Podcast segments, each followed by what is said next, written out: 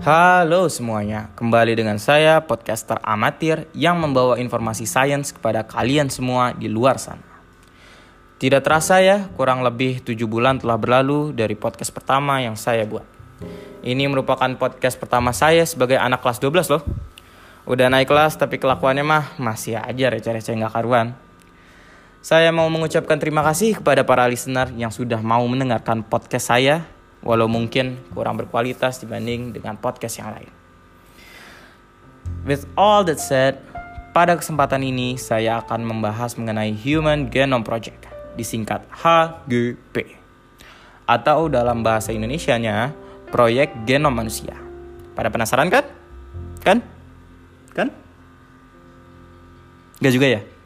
Ya udahlah, saya tetap jelasin aja tugas soalnya. Mari langsung saja kita bahas dengan seksama. Eits, tunggu dulu. Sebelum kita membahas Human Genome Project secara keseluruhan, kita harus tahu dulu apa artinya Human Genome. Human Genome itu bahasa Inggris dari genom manusia. Dilansir dari sehatq.com, genom merupakan satu set DNA komplit dari suatu organisme. Gen termasuk di dalamnya. Genom mengandung semua informasi yang diperlukan untuk membentuk dan menjalankan fungsi organisme.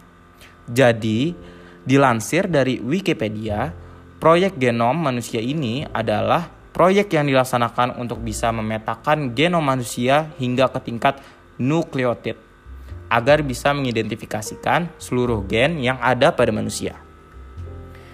Proyek ini bertujuan agar kita bisa mengetahui penyakit dengan virus genotipe spesifik yang nantinya kita bisa buat obatnya yang akurat mengidentifikasikan mutasi gen yang terkait dengan beragam kanker, desain obat-obatan yang mampu memprediksi efeknya secara lebih akurat, kemajuan dalam ilmu forensik, pokoknya banyak banget manfaat dari proyek ini. Proyek ini merupakan proyek kolaboratif biologis terbesar di dunia.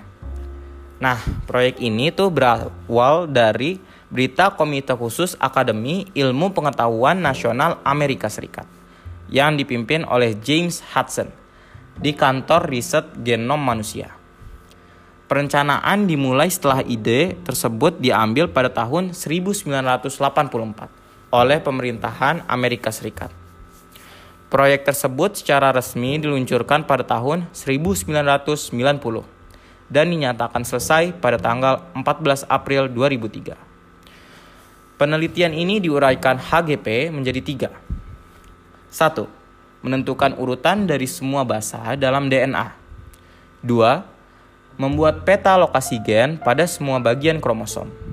Tiga, baru deh pembuatan peta keterkaitan yang melalui sifat-sifat yang diwariskan dari generasi ke generasi.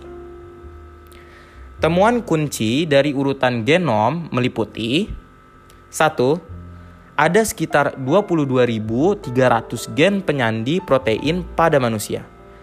Kisaran yang sama seperti pada mamalia lainnya. 2. Genom manusia memiliki duplikasi segmental yang jauh lebih banyak.